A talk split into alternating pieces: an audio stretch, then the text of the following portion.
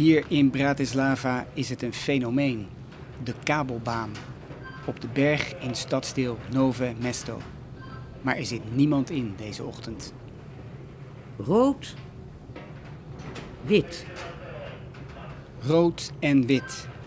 Een poëtisch geluidsportret van Bratislava. Gemaakt door Guido Spring. Montage Rob Gerritsen. rood, wit.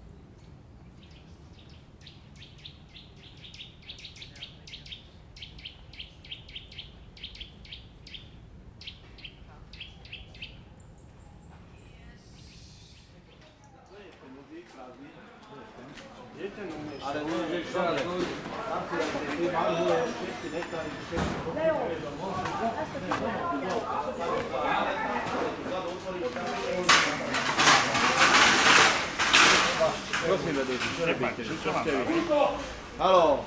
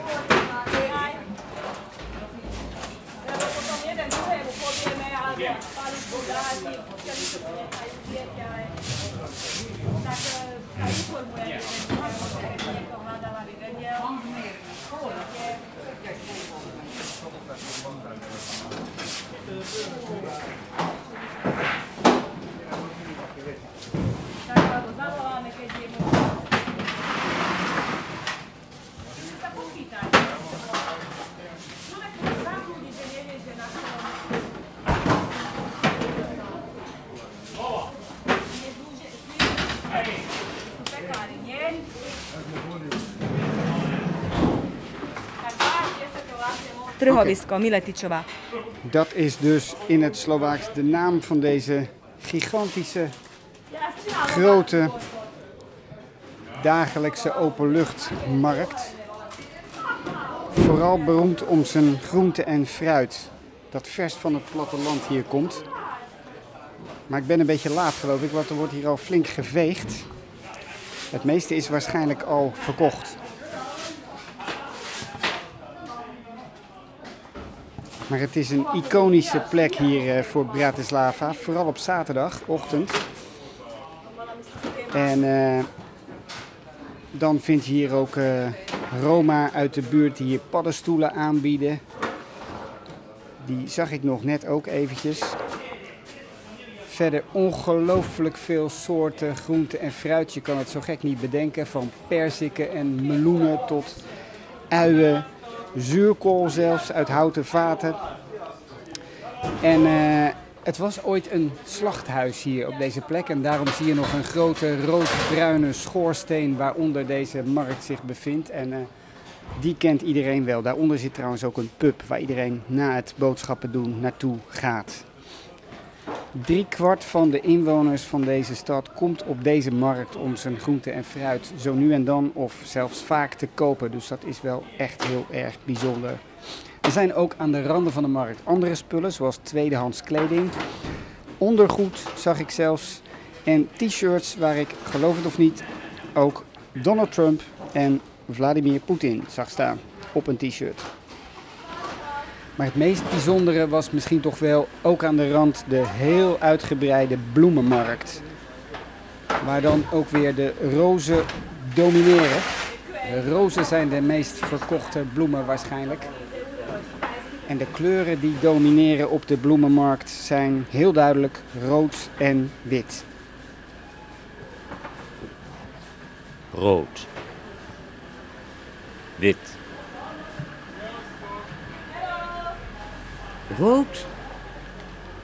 Wit.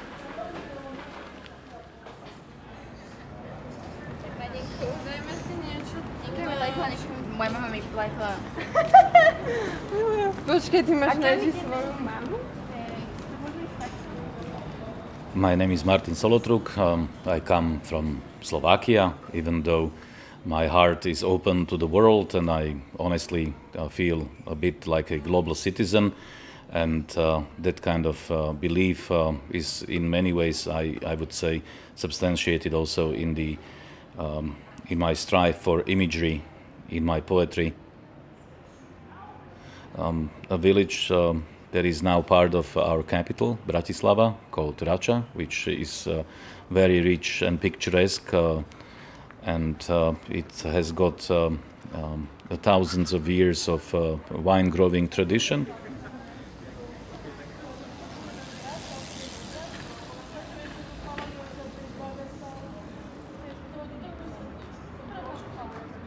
Dichter Martin Solotruk ontmoet ik. Hij woont al zijn hele leven in Bratislava, maar voelt zich een wereldburger.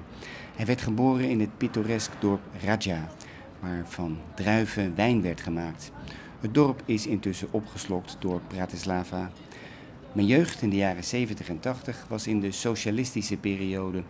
Als er één geluid is dat me onmiddellijk terugbrengt naar die tijd, dan is het wel het geluid dat werd veroorzaakt door de oude trams. Die nog steeds tussen de nieuwe trams in de stad rondrijden trouwens. Als ik die oude tramdeuren hoor sluiten, ben ik ineens weer 12.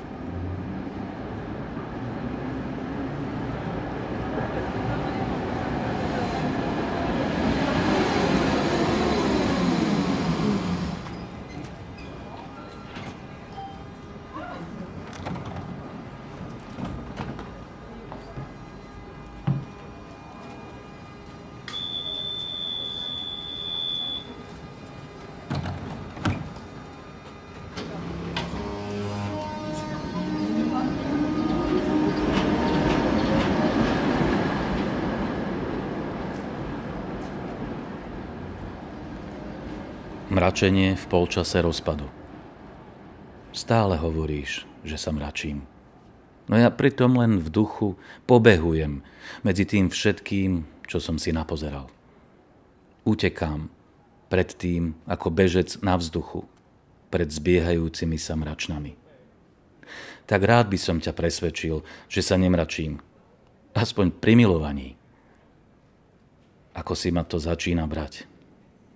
Mračím sa, lebo sa neviem zbaviť pocitu, že občas tak prudko plinieme, až sme pomaly len skrytou reklamou seba samých. Viditeľný iba v každom zlomku času, ktorý je menší, než si vie mozog uvedomiť. Že plinieme tak prudko, až začíname cítiť svoj polčas.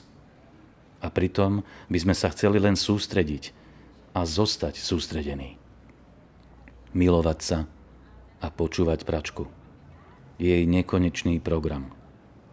Ten rytmus života schopností najprostejších vecí, čo nám občas zaklope na hlavu, ako heuréka.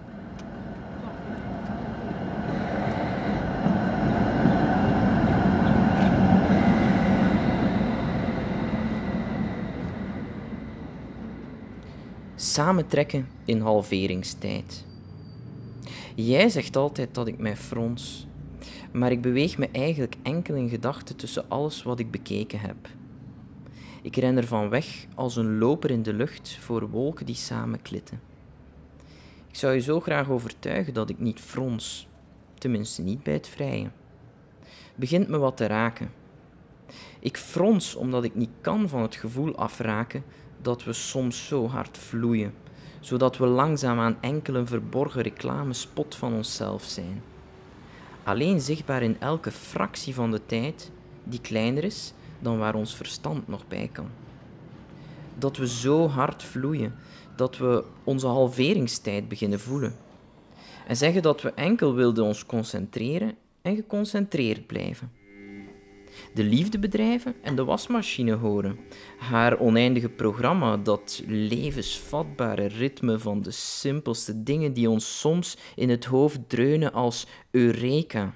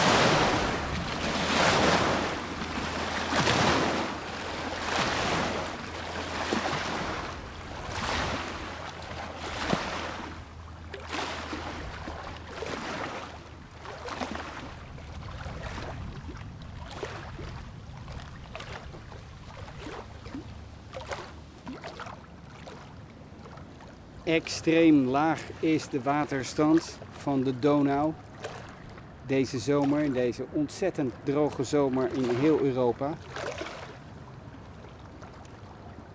Bij de Rijn schijnt het nog veel erger te zijn, maar ook de Donau komt niet zo hoog als normaal. Hier aan de rand zit ik en er zijn eh, rotsblokken die normaal toch echt wel flink onder water komen te staan, maar nu niet. Maar het klotst toch nog aardig zo door. Minder boten dan normaal. Vrachtschepen wordt ook uh, gemaand om uh, minder lading mee te nemen.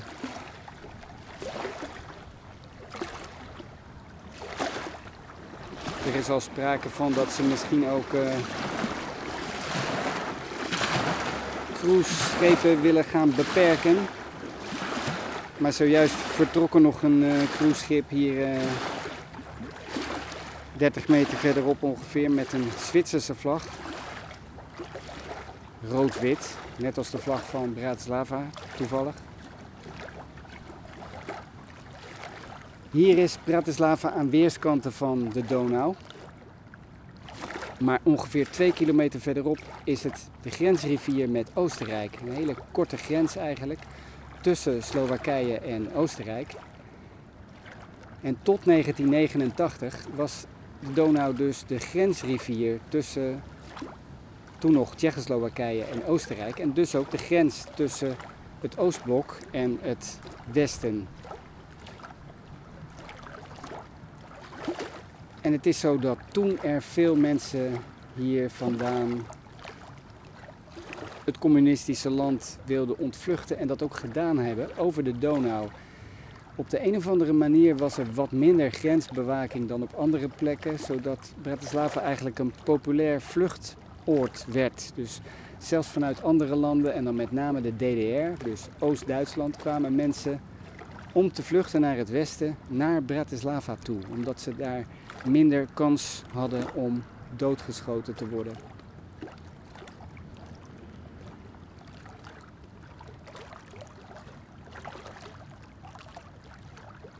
Maar er zijn wel degelijk mensen bij pogingen tot vluchten uh, doodgeschoten.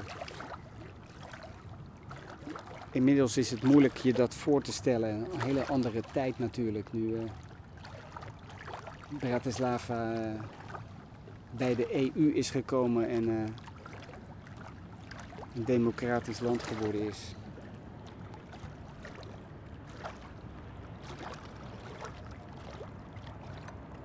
Rood Idź.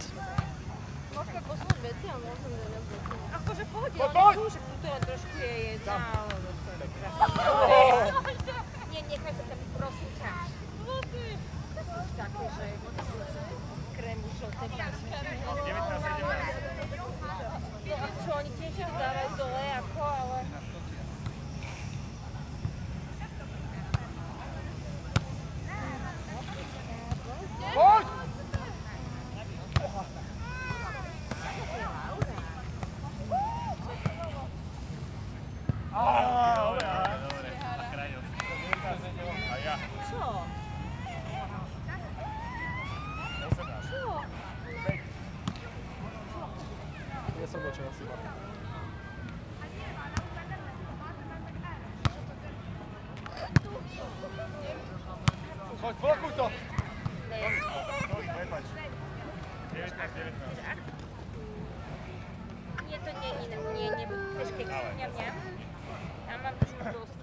To je novodobá história Bratislavy, ktorú sme začali písať práve dnes pred 23 rokmi. Práve toľko rokov, rok čo rok sme si zvykli pripomínať, čo sme urobili za 20, 21, 22 a napokon dnes možno čakáte, čo sme urobili za 23 rokov v Bratislave, ktorá sa počase stala opäť hlavným mestom Slovenska, matkou slovenských miest. Nuž nie, nebudeme vyratúvať, lebo Bratislava je taký zložitý organizmus, že by to alebo nebolo záživné, alebo by sme nestačili všetko vyčerpať. Bratislava často dostáva pred svoje meno prívlastok mladá. Je skutočne taká. Donedávna by sme však na nových sídliskách ťažko hľadali detské ihriská. Ďakujem, ďakujem. A závidíme vám, Vlado mi hovorí.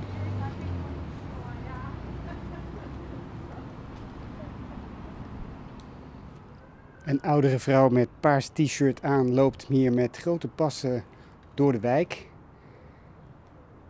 En in groot tempo, en dat is een beetje een uitzondering in deze redelijk rustige wijk op deze maandagmiddag. Het is waarschijnlijk ook rustig omdat het bloedheet is uh, in deze periode. En dit is een wijk, zoals er vele zijn, die uh, heel veel bewoners van Bratislava goed kennen. Dit zijn de communistische ja, woonblokken eigenlijk. In de communistische tijd uh, werden grote woonkolossen neergezet van beton. Die waren altijd grijs. Nu zijn ze gedeeltelijk nog grijs. Maar hier aan de overkant zijn ze allemaal in pasteltinten. En in de volgende straten zijn ze allemaal rood en wit geverfd. En nog steeds woont een kwart van de inwoners uh, van Bratislava in dit soort flatwoningen. Met kleine raampjes. Je zou misschien denken saai, maar ze zijn in elk geval wel geverfd. En uh, het schijnt dat mensen toch redelijk tevreden zijn. Vroeger waren dit soort wijken ja, eigenlijk de standaard woningen voor mensen in Slowakije, toen het nog Tsjechoslowakije heette. En dat wilde de overheid ook aan de buitenwereld laten weten. Ik heb hier een eh, boekje, eigenlijk een propagandafolder van destijds de overheid. Dat heet Een dag in Tsjechoslowakije in het Nederlands.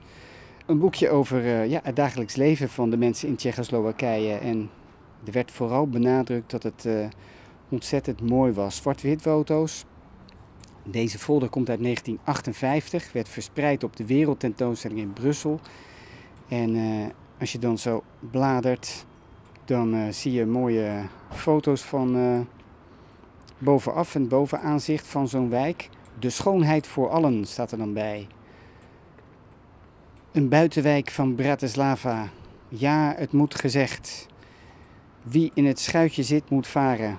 Daar draait de appartementsdeur reeds open en een jonge vrouw bekijkt, iets wat verwonderd, ons groepje. Het ijs is echter spoedig gebroken en na een praatje en een lachje mogen de indringende gasten binnen. Het interieur beviel de bezoekers ten zeerste. In de loop van het huidig vijfjarenplan moeten hier zowat 300.000 van deze woonvertrekken gebouwd worden. En dat zal de toekomst bepalen. Hygiëne, comfort en schoonheid worden het aandeel van een steeds groter deel van onze bevolking. Dat staat in Een dag in Tsjechoslowakije in 1958. Een propagandafolder.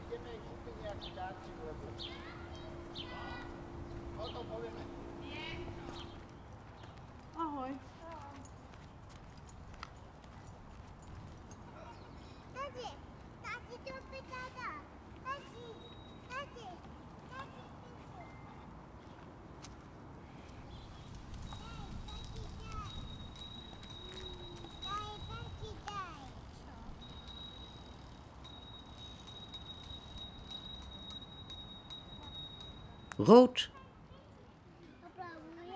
wit.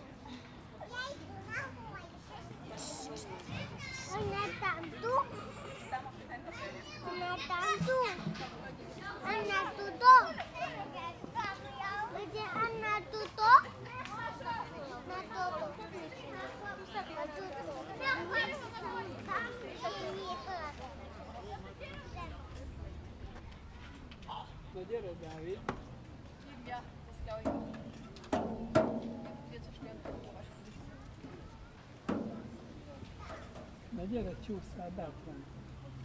Csúsztam. Bátran. Chodź. Idź. Ale ak ty niečo spravila, dievčatku, tak sa ospravedl. No Linduš, ty si šičúrka. No daj sa papuče. Medická záhrada. Zo heet dit park en in het midden een grote kinderspeelplaats. Die nu eh, redelijk druk begint te worden aan het eind van de middag. Heel grote zandbak. Glijbaan. En vooral heel veel moeders en kinderen.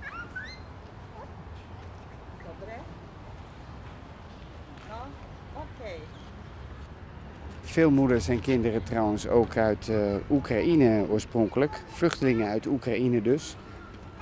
De mannen zijn achtergebleven in het oorlogsgebied.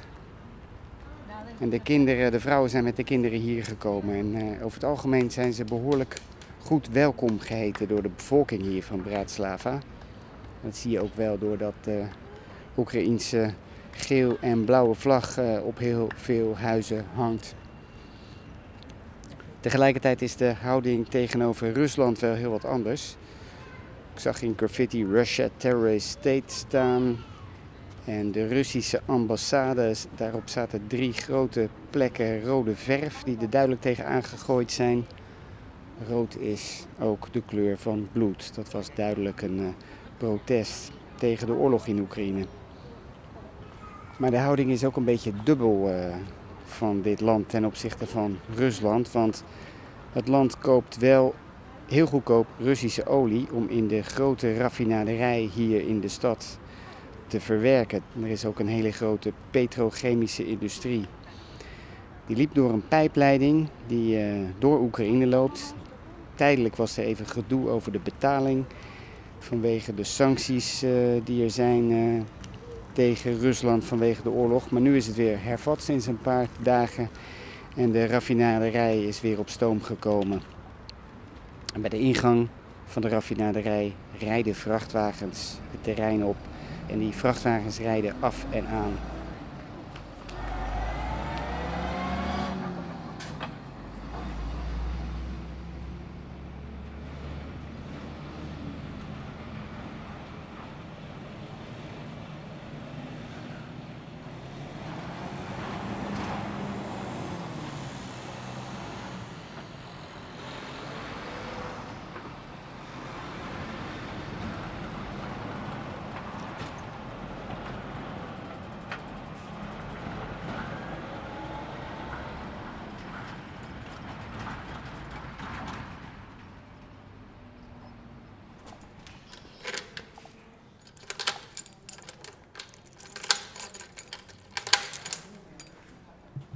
Te gast bij de enige overgebleven synagoge in Bratislava.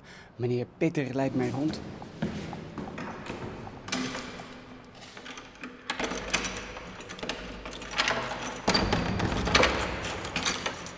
Ah, thank. Door het glas kun je zo in de synagoge kijken. Ja, prachtig. Groen is de overheersende kleur. De menorah, de zevenarmige Joodse kandelaar. Tussen 1923 en 1926 werd dit gebouw neergezet door een Joodse architect die zelf ook ondergedoken heeft gezeten tijdens de oorlog en een van de weinige Joodse overlevenden van de Holocaust is uh, in Bratislava. En dit gebouw is ook de enige overgebleven synagoge Vlak voor de Tweede Wereldoorlog waren er uh, 15.000 Joden in deze stad.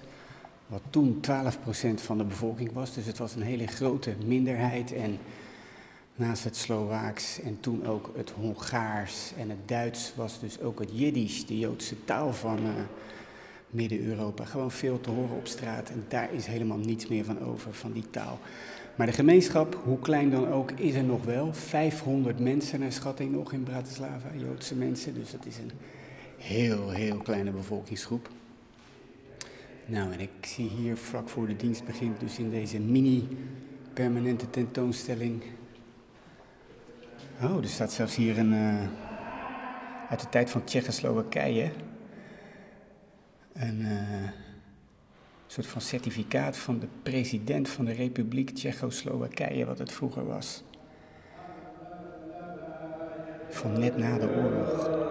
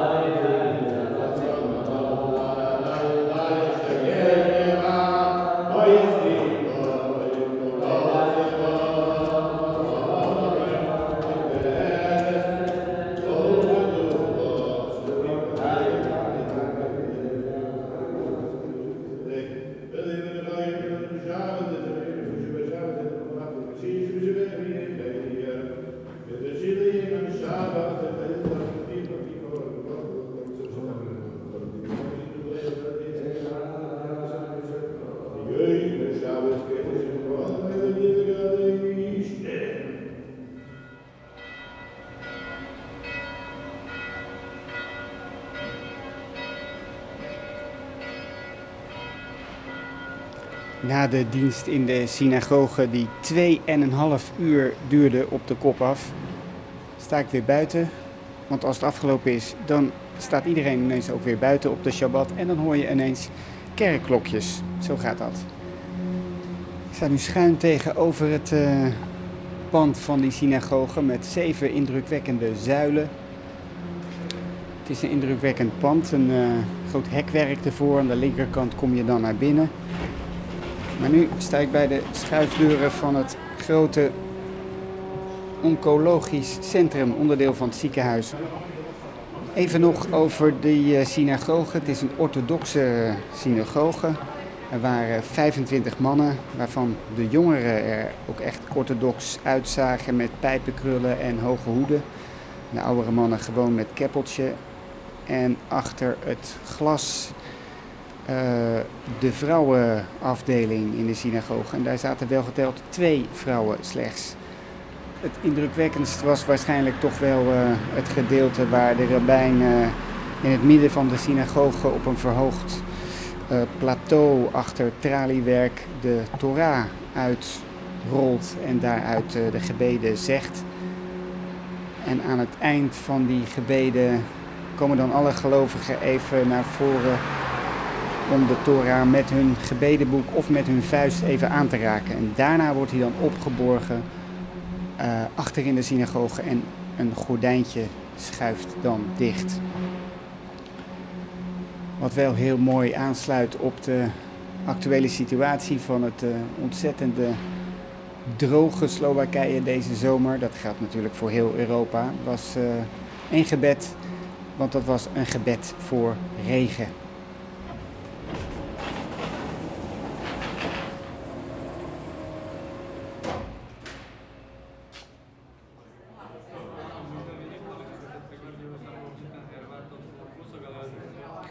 Ik ben uh, Benjamin Bossaert en ik uh, woon sinds 2010 in Bratislava. Ik ben van achtergrond slavist, dus ik heb Russisch, Tsjechisch en Slovaaks gestudeerd. En uh, op die manier ben ik eigenlijk via mijn interesse voor Centraal- en Oost-Europa in contact gekomen met Neerlandici hier in deze regio. En ben ik begonnen als lector Nederlands. Ondertussen ben ik ook onderzoeker naar Nederlands Belgisch-Slovaakse betrekkingen. Als ik een leuke vergelijking mag maken, is dat het. Uh, ik heb dus eerst Tsjechisch gestudeerd en dan pas Slovaaks. En uh, mensen vroegen mij toen altijd van, ja, waarom, waarom heb jij dan eigenlijk voor het Slovaaks gekozen? Die twee talen lijken zo op elkaar. Maar als je dan gaat luisteren naar de taal, dan klinkt Tsjechisch eigenlijk heel erg staccato. En het Slovaaks is toch meer vloeiend, meer melodieus. Er zijn ook heel mooie volksliedjes in het Slovaaks. En uh, het klinkt eigenlijk echt vloeiender. Heel klein beetje te vergelijken Tsjechisch, Slovaaks met Nederlands, Vlaams misschien? Ja, vind ik eigenlijk wel. Ja, er zijn wel parallellen natuurlijk te trekken. Ja, ja. Ook uh, Tsjechische mentaliteit, Slovaakse mentaliteit, het hangt ook wel een beetje samen met uh, ja, dat, dat imagologisch, dus het verschil, hè, het Noord en Zuid, hè, de, de grotere partner, de kleinere partner in, in een taalgebied dat toch heel sterk met elkaar verbonden is. あ。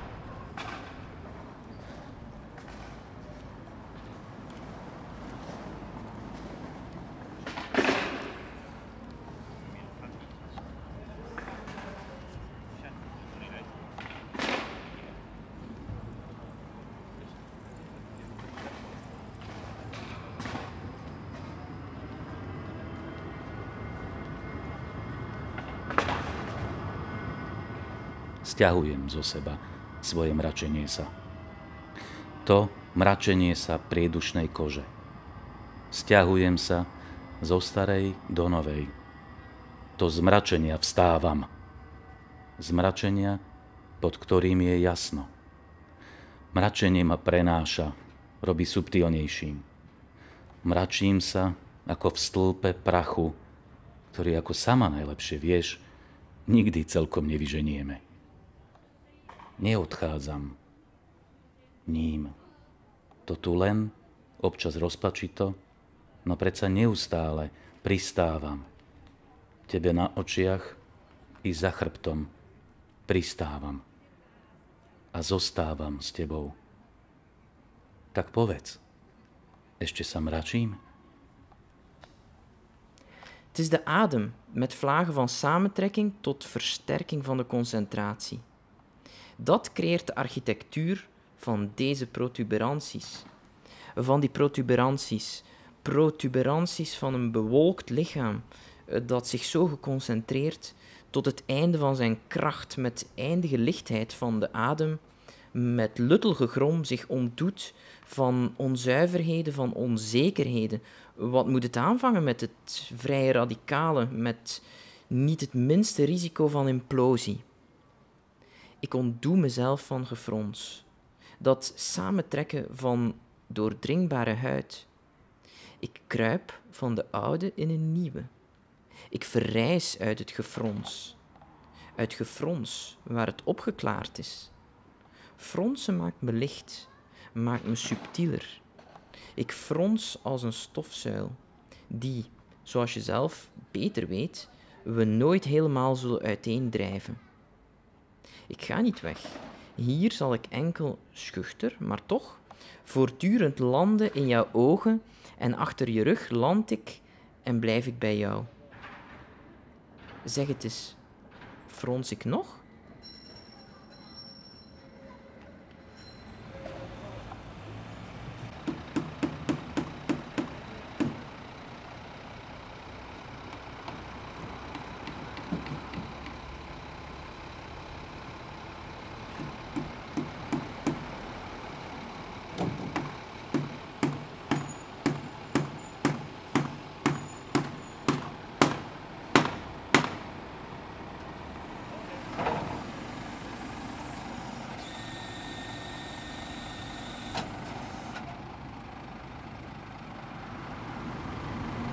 Rijdt alweer een trolleybus voorbij.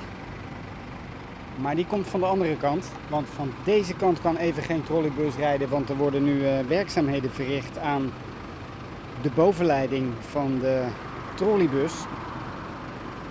Twee mannen staan op een vrachtwagen in de hitte.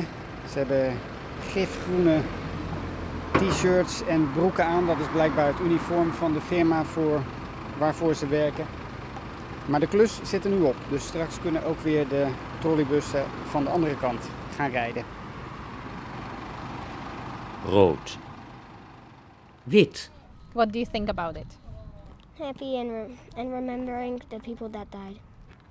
For me, it's interesting because I learned Russian when I was young. What I is your name? Margareta. Margareta, yeah. Yeah, I learned Russian and I still can read it. Can you prove it? Can you read it here? what names do we see? Uh, Kornienko, Stanchi, Sergeant. Starshi sergeant Yeah. means older sergeant. Yeah. Uh, M.N. Kornienko. Hmm. Dat is het name. That's his name, Kornienko. Hierboven op de Slavinheuvel is een ongelooflijk groot, breed, misschien moet je wel zeggen bombastisch, maar vooral ook hoog monument te vinden. Dat herinnert aan de bevrijding van Bratislava aan het eind van de Tweede Wereldoorlog. De bevrijding van de nazi's door het Rode Leger, de Sovjetsoldaten dus. In april 1945 was dat. En het is een, eh, ja, een ontzettend bekende plek, ook omdat hij hier boven op de heuvel staat en veel mensen hier komen om het eh, stadsuitzicht te bewonderen en aan de andere kant ook het gebergte te zien. Op deze ochtend is het echt maar een handjevol mensen dat hier rondloopt, heel weinig. Misschien komt het ook omdat de ruimte zo ontzettend groot is, dat het opvalt hoe weinig mensen er zijn. Helemaal bovenop de zuil die tientallen meters eh, boven de grond uittorent staat een eh, bronzen, enorm grote Sovjet-soldaat. Die in zijn ene hand een vlag omhoog houdt. En met zijn laars een eh, hakenkruis vertrapt. Enorm symbolisch natuurlijk. Het werd neergezet, dit monument, eh, of onthuld in elk geval, in 1960, in de socialistische tijd dus. Toen het nog Tsjechoslowakije was. En eh, het is zo dat eh, de kinderen hier altijd op schoolreisje verplicht naartoe moesten. Vertelt een uh, bezoekster hier die hier op school gezeten heeft in Bratislava, maar inmiddels in Canada woont en hier met twee zoontjes van 7 en 9 naartoe komt om de herinneringsplek te bewonderen en ook tegelijk de graven te zien. Want het is tegelijkertijd een begraafplaats van die bevrijders, die Sovjet-soldaten. Het zijn er ongeveer 6800, dus het is een gigantische militaire begraafplaats. Het is wel een beetje dubbel, want het was ook echt een propagandamiddel van de Sovjet-Unie op een gegeven moment dit. Wij, de bevrijders van jullie stad. Dat was natuurlijk ook zo en... Uh, Margaretha, deze vrouw uit Canada met roots in Bratislava, vertelt: Ja, ik vind het uh, terecht dat dit monument er nog steeds is. Ook al is het misschien wat bombastisch.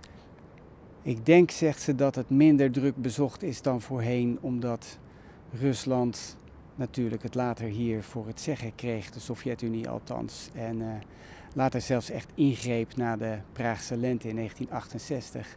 En hier Russische tanks door de straten reden en de bezetters waren. Dus eerst de bevrijders, later de bezetters. De verhouding met uh, Rusland is behoorlijk ingewikkeld dus uh, als het gaat om Slowakije en Bratislava. Zeker nu uh, met de recente oorlog in het buurland van Slowakije, Oekraïne.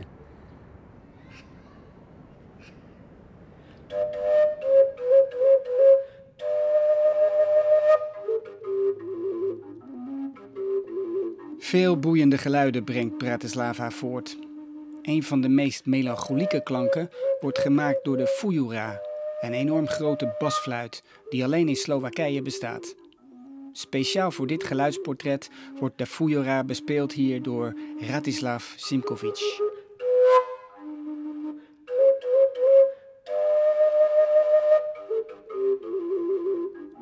Presne už starí chlapi, fujaristi hovoria, že vieš, fujara to je ako tvoja frajerka, ty si ju tak objímeš a vyrozprávaš všetky tvoje, všetky svoje bolesti do nej. Uh -huh. Nou, de, de, de hele oude fouillaristen, dus de, de fouillara-spelers, zeggen eigenlijk dat zoiets als in de, in de aard van een, een fouillara moet je eigenlijk een beetje behandelen als, als, als jouw liefje, als je vriendinnetje. En die zeggen van, je, je, je fluistert daar jouw diepste geheimen toe en ook jouw droevigste momenten. Dit was Rood en Wit een poëtisch geluidsportret van Bratislava. Gemaakt door Guido Spring. Met dank aan Benjamin Bossaert, Mark Beekhuis en Tessel Blok. Rood. Montage Rob Gerritsen. Wit. Verder dank aan Conrad Beumer Foundation, Verhalenhuis Belvedere en Cultuurcentrum Worm.